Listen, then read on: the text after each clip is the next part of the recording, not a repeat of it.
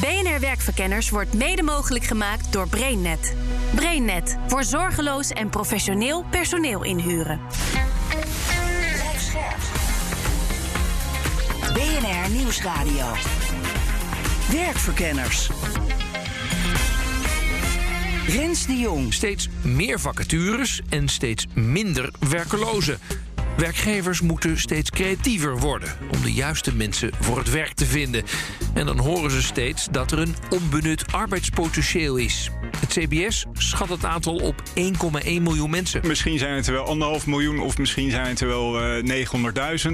Het punt is, dat het is niet één, één groep mensen die met een sticker op de mouw loopt. Ik ben onbenut arbeidspotentieel. In ieder geval staan er veel mensen langs de kant. Wie zijn het en hoe kun je die bereiken? Nou, een manier om de drempel naar werk voor deze groep lager te maken is open hiring. Open hiring is uh, heel platgeslagen een baan zonder sollicitatiegesprek. En een ander initiatief gaat gewoon de wijken in. Zou je nou uh, weer 3000 kilometer verderop moeten zoeken of zou je niet gewoon in de wijken moeten kijken? Mm -hmm. Nou, dan denk ik, uh, het kapitaal ligt gewoon in de wijken. Oké, okay, het kapitaal van mensen die wel willen werken, maar dat nu nog niet doen, dat is er dus zeker. Aan wie is dan de schone taak om die match tussen hen en de openstaande vacatures te maken? De werkgever, dat is natuurlijk de groep die als eerste aanzet is om het aantrekkelijk te maken om te gaan werken. Werkverkenners. Het tekort aan arbeidskrachten is inmiddels zo nijpend dat bepaalde sectoren deels plat komen te liggen. Nou, reden voor ons bij BNR Werkverkenners om op zoek te gaan naar bronnen om aan te boren. Dit is alweer de derde aflevering van een serie in werving en selectie. En het draait nu om onbenut arbeidspotentieel. Zometeen kijken we hoe deze mensen de tekorten stevig kunnen terugdringen. Maar eerst maar eens even uitzoeken uit wat voor mensen dit onbenut arbeidspotentieel precies bestaat. Ik ben Arjan Heijma. Ik werk bij SEO Economisch Onderzoek, uh, waar ik het, het cluster arbeid uh, aanstuur. En wij doen heel veel economisch onderzoek voor overheid en bedrijfsleven. Ja, wij praten vandaag over hoe je onbenut arbeidspotentieel inzet tegen de krapte. Ik zie dan altijd 1,1 miljoen staan van het CBS. Is dat dan een groep mensen die meteen aan het werk kunnen of niet? Dat denk ik niet. Uh, maar ik kan wel uitleggen hoe die groep is opgebouwd. 1,1 miljoen, een magisch getal inmiddels. Dat zijn mensen die uh, onder andere ook aan het werk zijn. Hè? Dat zijn uh, gedeeltelijk deeltijders. Ja. Het is ongeveer een derde deeltijders, een derde werklozen. Dus officiële werklozen. En een derde mensen die niet werken en ook niet werkloos zijn. Ja, ja. Die het een beetje opgegeven hebben. Of gewoon... Onder andere, ja. Ja, ja. ja. Eerst even die deeltijders. Dat zijn er ongeveer 300.000. Tenminste, er zijn natuurlijk veel, veel meer deeltijders. Uh, maar die 300.000 die zouden graag meer willen werken. Meer uren willen werken. En uh, dat is niet altijd mogelijk in een situatie. Uh, dus dat willen ze wel. En als je, die, als je dat zou benutten, zou dat al heel wat extra uren opleveren. En dan heb je weer minder mensen nodig. Dus dat is één. Tweede zijn de werklozen. Nou, die kennen we allemaal. Dat zijn de werklozen die een WW-uitkering hebben of een bijstandsuitkering. Die zoeken naar werk, hè, al dan niet verplicht. Uh, en die zijn ook uh, beschikbaar voor werk. Nou, dat is ook ongeveer 300.000. Het worden er steeds minder, hè, weten we allemaal. Uh, maar dat is ook een groep. En dan heb je nog de mensen die niet beschikbaar zijn voor werk, maar wel graag zouden willen werken. Of mensen die wel beschikbaar zijn voor werk en eigenlijk niet hebben gezocht naar werk. Ook dat zijn er ongeveer 300.000. Ja. He, dus nou ja, allemaal iets hoger en dan kom je op die 1,1 miljoen. Inmiddels wat minder. Ja, maar, maar het is wel een soort inderdaad zo'n magisch getal. Waarbij je af en toe ook wel denkt. Nou, die kunnen we gewoon meteen met z'n allen aan het werk krijgen. En dat is dus ook niet zo. Nou, de eerste groep van de deeltijders, uh, die willen meer werken. En ik denk dat die werkgevers die denken van. Goh, dat hebben we niet altijd nodig. Dus uh, ja, die zouden vrij makkelijk meer uren kunnen werken. Maar in de praktijk uh, zit dat vooral bij de werkgevers dat dat niet mogelijk is. Of de, de mensen die deeltijd werken willen zoveel flexibiliteit in die extra uren dat dat ook niet te doen is voor die werkgevers. Dat kan ook nog. Mm -hmm. Dat is die ene groep. Die tweede groep van die werklozen, waarvan je zou denken, nou die kunnen onmiddellijk aan de slag. Je moet je bedenken, er is voortdurend dynamiek op die arbeidsmarkt. Dus die groep werklozen, die bestaat uit een groep die net werkloos is geworden of die bijna alweer aan het werk Ah, ja, tuurlijk, ja. He, dus de, die 300.000, dat verbloemt een beetje uh, de dus niet een vast, Dat is niet een vast blok, dat zijn elke keer andere mensen. Het is gedeeltelijk een vast blok. Ja. Uh, gedeeltelijk is het een heel dynamisch groep wat steeds verandert. Dat vaste blok, dat is in Nederland vrij groot, van langdurig werklozen. Uh, ja, en dat, die krijg je niet heel makkelijk aan het werk. Want die zijn al heel lang van de arbeidsmarkt af. Ja, hebben ook niet meer misschien de, uh, de ervaring of de kwalificaties die, van, de, die daarvoor nodig is. Maar die kan in principe wel werken. Dus dat vergt nogal wat moeite om die aan het werk te krijgen, maar het kan wel. Mm. En dan hebben we natuurlijk nog de mensen, de, de thuiszitters, niet beschikbaar of niet gezocht. En die, dat is niet voor niks. Een deel daarvan wil heel graag werken, uh, maar die heeft zijn leven ingericht met andere activiteiten. Waardoor het heel moeilijk is om daar ook nog werk bij te plannen. Dat kan allemaal wel, maar dan moeten die andere activiteiten, bijvoorbeeld uh, zorgen voor het gezin, mantelzorg, vrijwilligerswerk of gewoon lekker vrije tijd, hè, de wereld ontdekken, die moeten daarvoor wijken of in ieder geval anders georganiseerd worden. Nou, dat vergt tijd. En ook mijn volgende gast benadrukt hoe divers de groep is en hoe belangrijk het voor de werkgevers is om deze mensen op een goede manier te zoeken. Steven Nuweek, ik ben programmamanager uh, inclusief uh, werkgeven bij AWVN en gangmaker van Normaalste Zaak. Ja, wat doet Normaalste Zaak? Maaszaak is een netwerk van zo'n 700 werkgevers die ieder voor zich eraan werken om meer inclusief te worden. En in dat netwerk wisselen ze met elkaar uit uh, wat daarin goed gaat, wat uh, lastig en ingewikkeld is.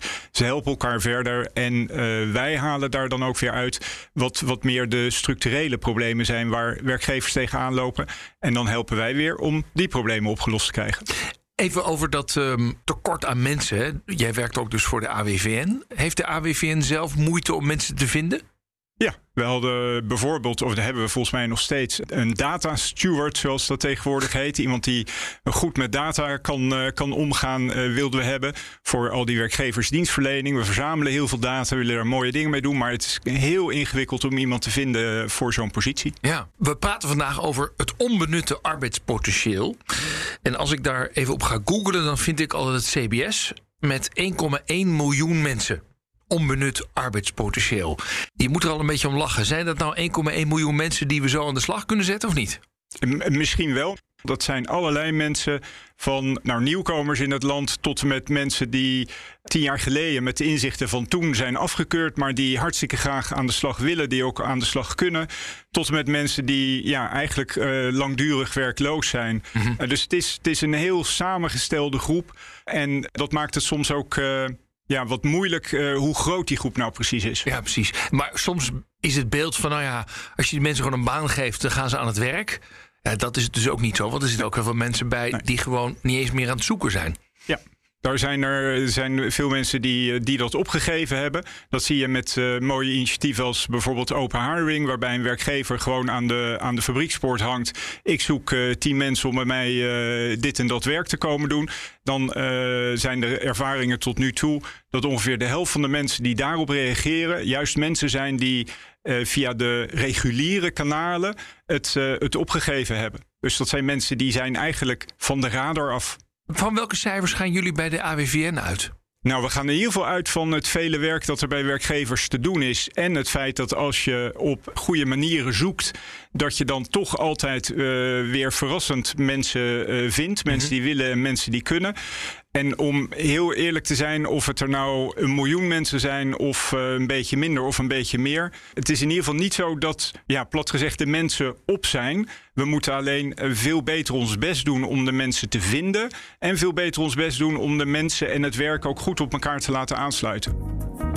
Straks de vraag wie wat moet doen in het ombuigen van dat onbenut naar benut arbeidspotentieel. En wat doet de overheid? Wat is aan de werkgevers? Maar ook wat kan de potentiële arbeidskracht zelf doen? Informeer ook eens bij een UWV of bij een gemeente als je de weg nog niet weet van waar zijn dan die werkgevers die, die niet selecteren op leeftijd? Waar zijn die werkgevers waar geslachten niet toe doet of afkomsten niet toe doet? Of waar ik ook mag zeggen dat ik iets nog best wel even moet gaan leren? Die werkgevers zijn er in Nederland. Rens de Jong. Maar eerst nu maar eens even kijken hoe deze diverse groep, of dus eigenlijk groepen, de weg naar de arbeidsmarkt kunnen vinden. Er bestaan al verschillende mooie initiatieven.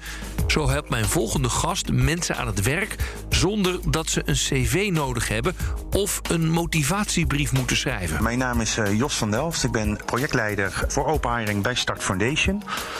En wat is dat ook alweer, open hiring? Open hiring is een baan zonder sollicitatiegesprek, uh, waarbij de werkzoekende dus zelf kan bepalen uh, of hij zich gaat melden bij een werkgever. En van daaruit, uh, degene die zich het eerst meldt, komt ook in, eerst in aanmerking voor een baan. Ja, ik vind het zo simpel altijd.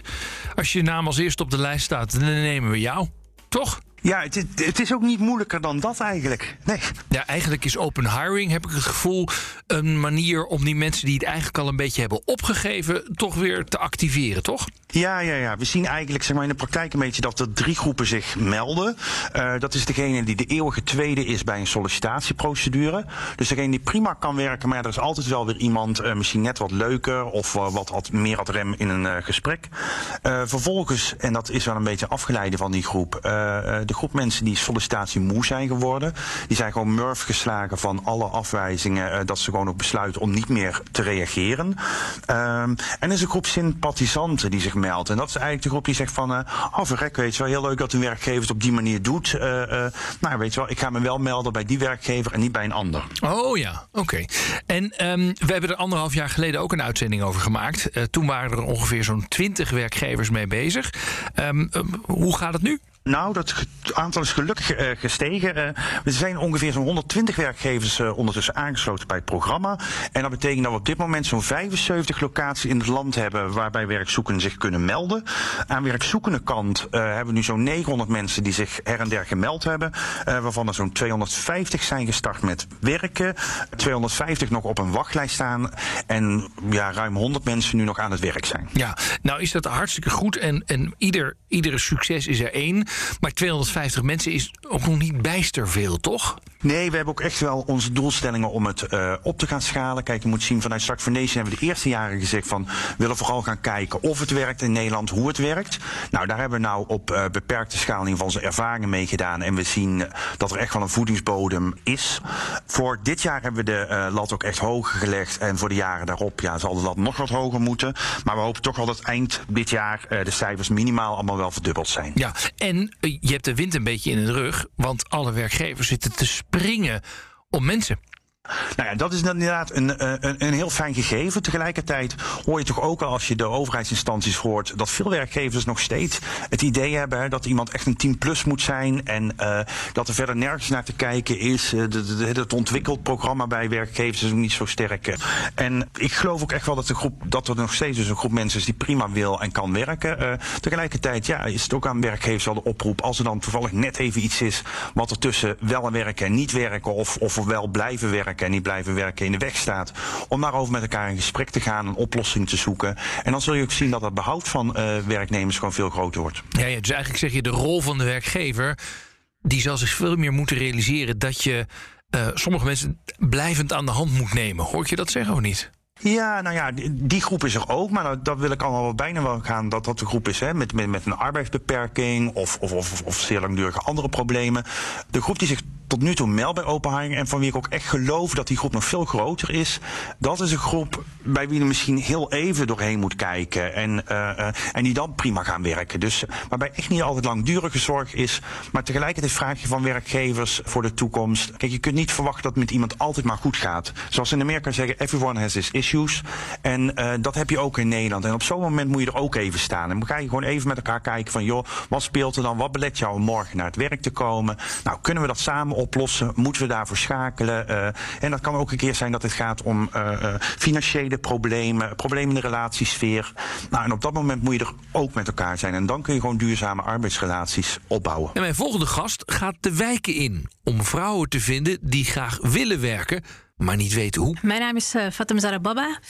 Geboren getogen Amsterdamse en uh, sociaal ondernemer uh, in Amsterdam. Nou zeg je, volgens mij hoef je geen 3000 kilometer meer te reizen tegenwoordig om te kijken waar arbeidspotentieel zit, toch? Ja.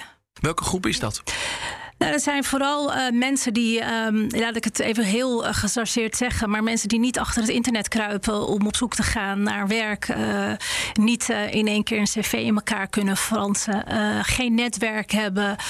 het lef hebben ze wel, maar ze zouden niet weten waar ze moeten beginnen. En jij helpt ze waar te beginnen. Ja. Want ik begrijp dat jij onder andere een aantal stageplekken hebt gecreëerd. Ja. Vertel. Ja. Nou, bijvoorbeeld in de sector als de zorg. We zien daar altijd een enorm tekort, altijd een enorme zoektocht, altijd naar de juiste mensen. Uh, het imago van de zorg is niet interessant voor heel veel, vooral voor jongeren. En uh, wat wij met name zagen is heel veel kwaliteiten die deze vrouwen bezitten. Hè, die heel goed passen bij de zorg. Hè, zie bijvoorbeeld het zorgzame, klaarstaan voor de ander, de mouwen opstropen, zwaar werk aan kunnen.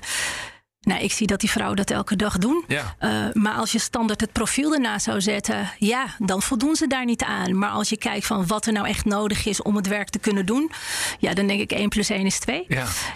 Dus creëer je dan stageplekken? Hoe, hoe breng je dat bij elkaar? Ja, nou, wat, wat, wat, we vooral, wat we vooral daarbij uh, bij, bij hebben gedaan, is vooral ook te kijken van hoe brengen we nou die twee werelden bij elkaar? Ja. Hoe brengen we nou vraag en aanbod bij elkaar? En vooral van waar kijken we nou wat, wat nou uh, zo lastig is, maar wat is nou juist mogelijk?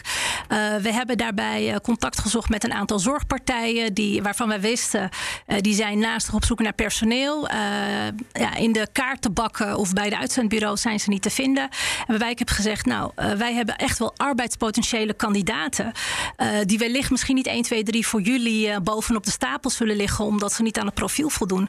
Maar wij geloven er echt enorm in dat deze vrouwen echt een enorme bijdrage kunnen leveren. Of sterker nog, zij vervullen nog extra Ja. andere uh, taken die helemaal niet op het profiel staan. Um, en ik denk dat we daar, uh, of ik denk, ik weet wel zeker, we kunnen daar een, uh, een enorm gat in vullen. Ja. Nou, we hebben vooral gekeken van oké, okay, wat is er vooral ook nodig? Nou, dat betekent ook dat je vrouwen moet opleiden. Um, maar dit zijn ook vrouwen die een gezin hebben.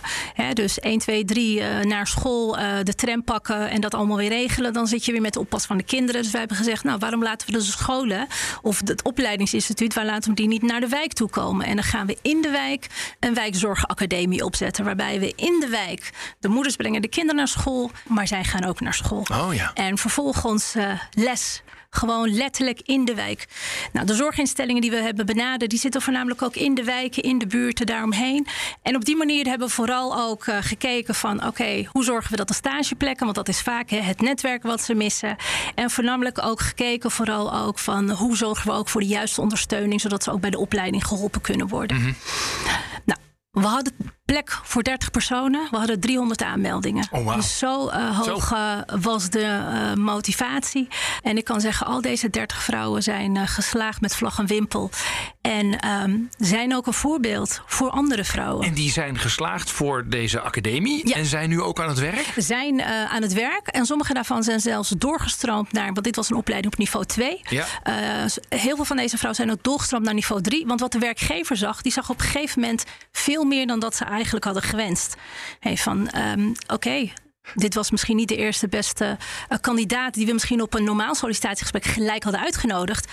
Maar in de praktijk, ja, we zien ontzettend veel geduld. We zien zorgzaamheid. We zien zelfs een taalbarrière waarvan wij dachten dat is een taalbarrière voor hun. Maar onze cliënten hebben dat vooral ook nodig, omdat je gewoon ook ziet dat de stad en de samenstelling ook veranderd Ja, is. precies. Ook die mensen worden oud.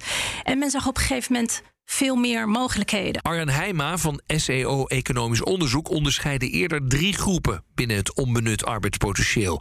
En doet nu per groep suggesties over hoe zij aan de slag zouden kunnen. Eerst maar eens even de deeltijders. Hoe kunnen zij meer gaan werken? Dat zit hem vooral in het flexibeler omgaan met hun inzet door de werkgever. Ja, ja. He, dus als de werkgever zegt, ja, ik heb meer uren voor je... en ik uh, hou daarbij rekening met je andere tijdsbestedingen... He, want het zijn niet voor niks deeltijdwerkers... dan zou het mogelijk moeten zijn om die mensen in te zetten. Ja, maar- Met meer uren. Ik, soms hoor ik ook wel eens. Soms zijn de eisen ook wel heel hoog qua flexibiliteit. Klopt dat of niet? Aan beide kanten. Ja, ja. Ah, Natuurlijk. ja, natuurlijk ja, ja. Dan de tweede groep. De tweede groep is de werklozen. Maar die groep ja, die bestaat niet uit mensen die al een hele tijd werkloos zijn. Gedeeltelijk wel. Ja, je hebt een groep uh, langdurig werklozen. Uh, maar je hebt ook een groep die zijn net werkloos geworden. Of die hebben al uitzicht op, op werk en die zijn nu nog werkloos, maar binnenkort niet meer. Mhm. Nou, die tweede groep is natuurlijk een hele dynamische groep. En die groep langdurig werkelozen? Ja, die zijn al zo lang uit het arbeidsproces. Hebben uh, waarschijnlijk ook weinig ervaring, uh, relevante ervaring in ieder geval. Of niet meer de juiste kwalificaties. Zijn vaak ouder. en zijn gewoon lastiger in te zetten in het arbeidsproces. Kan je dan zeggen, nou ja, dan moeten werkgevers maar iets harder aan het werk gaan. Of anders naar mensen hun talenten kijken. om ze weer wel in het arbeidsproces te krijgen? Nee, uiteraard. Uh, het is natuurlijk zo, als er krapte is en je zegt er is krapte, hè, dus als werkgever, dan moet je ook kijken naar of je misschien die mensen met eh, wat minder ervaring, wat minder kwalificaties, toch proberen in te zetten in het arbeidsproces. Ja. Dan de derde groep. Ja, die derde groep van mensen die eigenlijk niet werken en ook niet officieel werkloos zijn. Zit daar potentieel in om daar mensen inderdaad aan het werk te krijgen? Nou, daar zit wel potentieel in, maar er moet gelegenheid zijn en er moeten kansen zijn en er moeten ook de juiste prikkels zijn. En als je naar het eerste kijkt, naar die kansen, eh, werkgevers moeten er wel open voor staan dat ze mensen die eigenlijk weinig kennis, ervaring hebben, dat ze die wel gaan opleiden om te zorgen dat ze in ieder geval dat werk kunnen doen wat er moet gebeuren. Ook Steven Hubeek van werkgeversvereniging AWVN benadrukte dat het onbenut arbeidspotentieel heel divers is. Hij pleit dan ook voor een individuele benadering. Waar het eigenlijk om gaat is wat je als vertrekpunt moet nemen is van joh, wie is nou de persoon die uh, je tegenover je hebt? Wat is de motivatie van die persoon? Wat zijn de vaardigheden? Wat is de ervaring? Maar ook wat zijn de randvoorwaarden? Als je een arbeidshandicap hebt, dan betekent dat vaak dat je een bepaalde belastbaarheid maar hebt. Of dat er in de werkplek iets veranderd moet worden. Um, of als je net uit uh, Oekraïne komt, dan wil dat zeggen dat er uh, met taal waarschijnlijk wat te doen is. Mm -hmm. Of uh, misschien ook wel met traumaopvang. Dus het is in die zin wel een eenduidige aanpak van... joh, kijk nou naar die persoon die je tegenover je hebt. Kijk wat die nodig heeft. En kijk vervolgens naar het werk dat je te doen hebt... en hoe je dat nou kan uh, indelen op een manier dat uh, zo'n persoon kan instromen en de collega's ja, ons last worden. Ja. Het zit nog wel één stap voor, want je zei net al, er zijn ook heel veel mensen die niet eens meer proberen om een baan te krijgen. En die moet je dus op een of andere manier wel weten te activeren dan. Ja, ja. en dat is ook, dat is ook het mooie, want um, als de gemeente aan uh, mensen vraagt van joh, zou je wel weer aan het werk willen, dan krijgen ze vaak een laag respons uh, daarop. Dan zegt 20% van nou ja, dat zou ik misschien wel weer willen. Misschien komt dat ook wel omdat zij de gemeente zien als de partij die uh, bijdraagt aan uh, de uitkering die ze hebben. En dat ze denken van ja, als ik al te enthousiast aan uh, reageer, dan, dan betekent dat misschien wel wat voor mijn uitkering. Maar als een werkgever heel gericht vraagt van joh, kom bij mij in de werkplaats dit werk bij mij doen dan zie je dat daar mensen vaak toch heel enthousiast op, uh, op reageren. Ja. Waarom worden heel veel mensen niet gezien? Omdat we uit een tijd kwamen dat we mensen die uh, niet één op één op het profiel pasten, eigenlijk gewoon buiten het werk terechtkwamen, een, een uitkering kregen en op die manier uit het zicht van de reguliere, van de normale arbeidsmarkt kwamen. En we zijn een hele lange reis met elkaar aan het maken om dat weer te keren naar dat iedereen naar zijn eigen vermogen en kunnen en op basis van zijn eigen motivatie mee, uh, mee kan doen. Dat is een hele lange reis. Hebben we ook niet te veel naar scholing gekeken? Van je, je moet een bepaald startkwalificatie ja. hebben, anders kunnen we niks met je. Ja, dus bijvoorbeeld in uh, het praktische werk in het aanleggen van, uh, van, de, van de infrastructuur, dus de, de kabels en de, de gasleidingen en dat soort zaken, daar heb je heel specifieke vaardigheden nodig. En uh, van oudsher was dat dan een MBO 3 of een MBO 4 diploma dat je moet, moet hebben. Maar dat betekent ook dat je op een bepaald niveau de Nederlandse taal moet beheersen, dan wel wiskunde moet kunnen. Mm -hmm. En nou zijn er een heleboel mensen die dat werk in de grondinfra hartstikke goed kunnen. De vaardigheden, de technische vaardigheden daarvoor hebben. Maar er met de taal net niet goed uitkomen. Nou, dat zijn nu de nieuwe groepen die door de werkgevers opgepikt worden. En via een heel gerichte en ook begeleide aanpak het werk uh, ingeholpen worden. In een soort uh, ja, leer-werk-combinaties. Uh, ja, plannen genoeg dus om al het onbenutte arbeidspotentieel te gaan aanboren. Maar ja, wie moet nu wat gaan aanpakken, zodat het niet bij plannen blijft? Werkgevers zien voor zichzelf in ieder geval wel wat risico's, waar ze dan niet meteen een antwoord op hebben, zegt Steven Hubeek van de AWVN. Er zit in ieder geval onzekerheid over hoe het nou precies gaat uitpakken met ja. mensen die niet aan de standaard vacaturetekst voldoen. Is zeker de eerste keer als je daarin stapt, is het toch spannend van joh, hoe gaat dat nou in de praktijk uitpakken? En veel werkgevers die vertellen ons dat op het moment dat iemand een tijdje ook aan de slag is, dat eigenlijk iedereen, de collega's ook, dat ze hartstikke enthousiast zijn over uh, de medewerkers. En soms gaat het uh, ook wel eens mis, in de zin van dat het gewoon geen goede match blijkt te zijn. En um, blijken er soms ook wel dingen bij de werkgever uh, beter te kunnen in de begeleiding of in de manier waarop het werk dan georganiseerd is. Dus de ene, ene kant van het spannende is dus eigenlijk om die match tussen mens en werk goed te maken. Ja. Uh, en, en de werkomgeving, hè, ook cultureel en, en, en qua taal en qua, nou ja, er zijn allerlei eh, dingen die kunnen maken dat de klik er eh, is of niet. En een ander punt is, als je bijvoorbeeld gaat werken met mensen met chronische ziekte. Ja, dan is de kans op dat iemand ziek wordt als gevolg van die chronische ziekte. Ja, die is uh, heel duidelijk natuurlijk. Op die momenten wil de werkgever graag zekerheid hebben dat die extra zorgkosten. dat die niet op het bordje van de werkgever landen. En in veel gevallen voorziet uh, de overheid dan ook in een zogeheten no-risk polis. Die die risico's ook wegneemt bij de werkgever. Maar, maar niet in alle gevallen. Nee. Dus bijvoorbeeld mensen die langdurig in de GGZ hebben gezeten. en die er hartstikke aan toe zijn om aan het werk te gaan. die hebben wel een verhoogd risico op toch een terugval. En ja, weet je, that, that's part of life, hoort erbij. En tegelijkertijd zegt de werkgever, ja, met hoe dat in Nederland is geregeld, hè, dat ik twee jaar moet doorbetalen voor die persoon.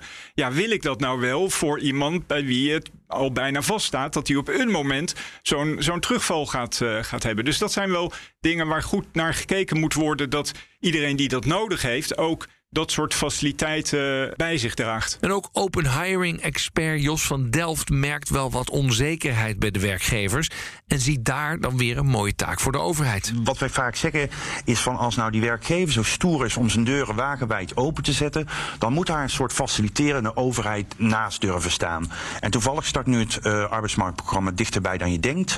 En van daaruit zou het ook prima kunnen dat ja, vanuit elke arbeidsmarktregio er eigenlijk aanspreekpunten zijn voor die werkgevers ook als iemand toevallig niet een kruisje achter zijn naam heeft. Maar dat een werkgever dan wel even kan bellen van... goh, weet je we lopen hier en daar tegenaan. Zijn er wegen die we kunnen verwandelen? Kunnen jullie even uh, met ons meedenken? Dat is aan werkgeverszijde. Aan werkzoekende zijde uh, is het echt een pleidooi om het simpel switchen...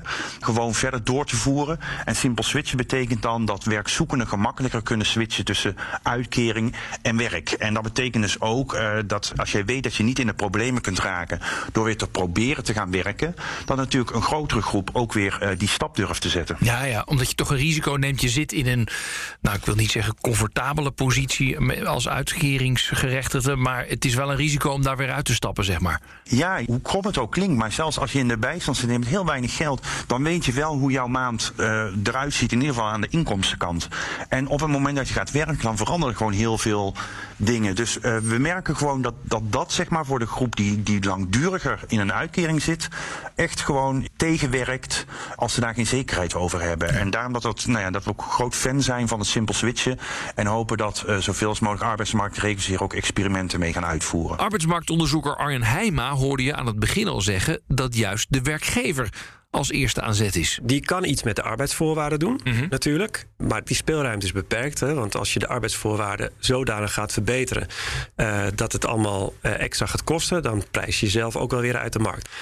Wat werkgevers misschien meer kunnen doen... is meer meegaan in de vragen van de uh, aanbieders van arbeid. Uh, werknemers. De werknemers, of in ieder geval de potentiële ja. werknemers. Want er zijn heel veel mensen die wel willen werken, maar niet alleen maar onder de voorwaarden die de werkgever stelt. En de overheid, wat zouden die nog kunnen doen? Nou ja, die hebben daar een rol in. Hè? In het aantrekkelijker maken of het laten snuffelen van mensen aan de arbeidsmarkt. Want daar heeft een specifieke werkgever misschien uh, niet meteen een rol in. Want het zijn vaak mensen die nog helemaal niet weten waar ze dan aan de, aan de slag zouden kunnen. Uh, ja, en toch gewoon echt goed kijken naar uh, de belasting op arbeid. Hè? Want misschien zijn er wel kansen. Maar als je een uitkering hebt met allerlei toeslagen. en je gaat daarna het minimumloon verdienen. dan ga je er niet echt op vooruit. Soms zelfs achteruit. Dat noemen we de armoedeval. Ja. En dan is het natuurlijk niet aantrekkelijk voor mensen om zich aan te bieden op de arbeidsmarkt. Volgens sociaal ondernemer Fatim Zara Baba is het juist van het grootste belang dat alle verschillende spelers samen optrekken in het vinden van al dat talent in de wijken. Als het gaat over de werkgevers, uh, wat ik ook heel goed realiseer, is dat is niet de kracht van een werkgever. Maar daarin heb je juist ook coalities met elkaar nodig. Je zegt van hè, wie zijn deze maatschappelijke partijen in de wijken die juist deze mensen wel weten te bereiken? En ja. hoe slaan we die brug? En dat is voor werkgevers een manier waar je niet 1, 2, 3 aan denkt, maar waar ik wel denk dat in deze tijd het juist heel goed is om juist wel op die manier te gaan denken. Dus hoe zorg je vooral ook dat je heel erg outreachend gaat kijken en dat je op een innovatieve manier uh, ook gaat kijken van hé. Hey, Misschien is richting die wijken wel een manier hoe ja. we aan de mensen komen. In plaats van alleen maar de, de wegen die we normaliter uh, bewandelen. Hoe bevalt het die mensen die nu aan het werk zijn gegaan? Want uh, ze waren veelal niet aan het werk zorgden voor de gezinnen en waren daar heel druk mee. Ja, als je aan het werk bent, dan moet je dat op een of andere manier ook Ja. weer thuis gaan regelen. Ja, nou, dat is zeker ook eh, voor eh, een aantal vrouwen ook zeker wel eh, heel lastig en ook heel spannend geweest. En niet alleen voor hunzelf, want het is niet alleen dat zij veranderen. Ja. Hun hele omgeving moet mee veranderen. Ja, en dat is wel wat. Hè? Ja. Het is niet makkelijk. Maar wat je heel mooi zag in dat proces is dat ondanks men die verandering niet gewend was of ook niet op zat te wachten, dat dat ging gebeuren. Hè? Want dat ging ook heel erg gepaard met angst. Ja, maar wat als zij aan het werk gaat? Gaat het rijlen en zeilen thuis dan nog wel door? Ja, ja, precies. Dus dat, En- dat waren de familieleden. Die de zeiden, familieleden, de omgeving. Ja, Ja. Dat is, en dat is natuurlijk voor zo'n vrouw ook heel erg spannend. Maar wat een mooie ontwikkeling daarin was, is dat men zag van het is nog gewoon dezelfde vrouw. Sterker nog, ze is alleen nog sterker geworden. En de financiële situatie eh, is, vers- is versterkt en verbeterd. Niet alleen voor die vrouw zelf, maar voor het hele gezin. En, en, en ik denk dat dat een hele mooie eh, beweging is. Eh, en wat mij betreft moeten we die nog veel meer gaan aanboren. Want tegelijkertijd werk je niet alleen maar aan de economische positie van die vrouw. Maar je werkt aan de economische positie van een heel gezin, van een hele omgeving. En wat vooral heel belangrijk is, deze vrouwen vr- zijn het voorbeeld. Het is een olievlek die je verspreidt vervolgens eh, naar anderen. Want op het moment dat jij de vrouw ziet die heel dicht bij jou staat, dat jij haar positief ziet veranderen, dan wil je heel graag weten hoe zij dat heeft gedaan. Nou, conclusie van deze uitzending. Hele eenduidige cijfers over dat onbenutte arbeidspotentieel lijken er niet te zijn. Maar als ik het zo goed begrijp, zijn er in ieder geval wel een paar honderdduizend mensen die zonder al te veel problemen op redelijk korte termijn aan de slag zouden kunnen gaan. Nou, een mooi voorbeeld om deze mensen te bereiken is open hiring. Geef bij een deelnemende werkgever aan dat je wel wil werken en je bent de eerste op de lijst. Nou, dan is de baan voor jou. Een ander mooi voorbeeld komt van Fatim Zara Baba. Zij ziet potentieel in de wijken en haalt werkgevers en de benodigde opleiding gewoon naar de vrouwen in die wijken toe.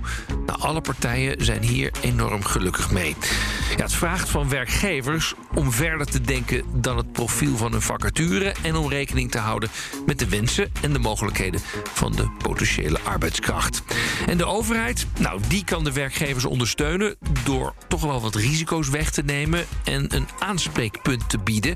En minstens zo belangrijk, de overheid zou ook de mensen die wel willen werken, maar dat nu nog niet of te weinig doen, enorm kunnen helpen door te zorgen dat er geen armoedeval volgt zodra deze mensen aan de slag gaan. Nou, dit was Werkverkenners voor deze week. Productie en redactie in de goede handen van Nelleke van der Heijden. Mijn naam is Rens de Jong. En volgende week krijg je weer een verse Werkverkenners op dinsdag om half vier. En in je podcast-app kun je hem op ieder moment terugluisteren. Tot de volgende keer. Dag. BNR Werkverkenners wordt mede mogelijk gemaakt door BrainNet.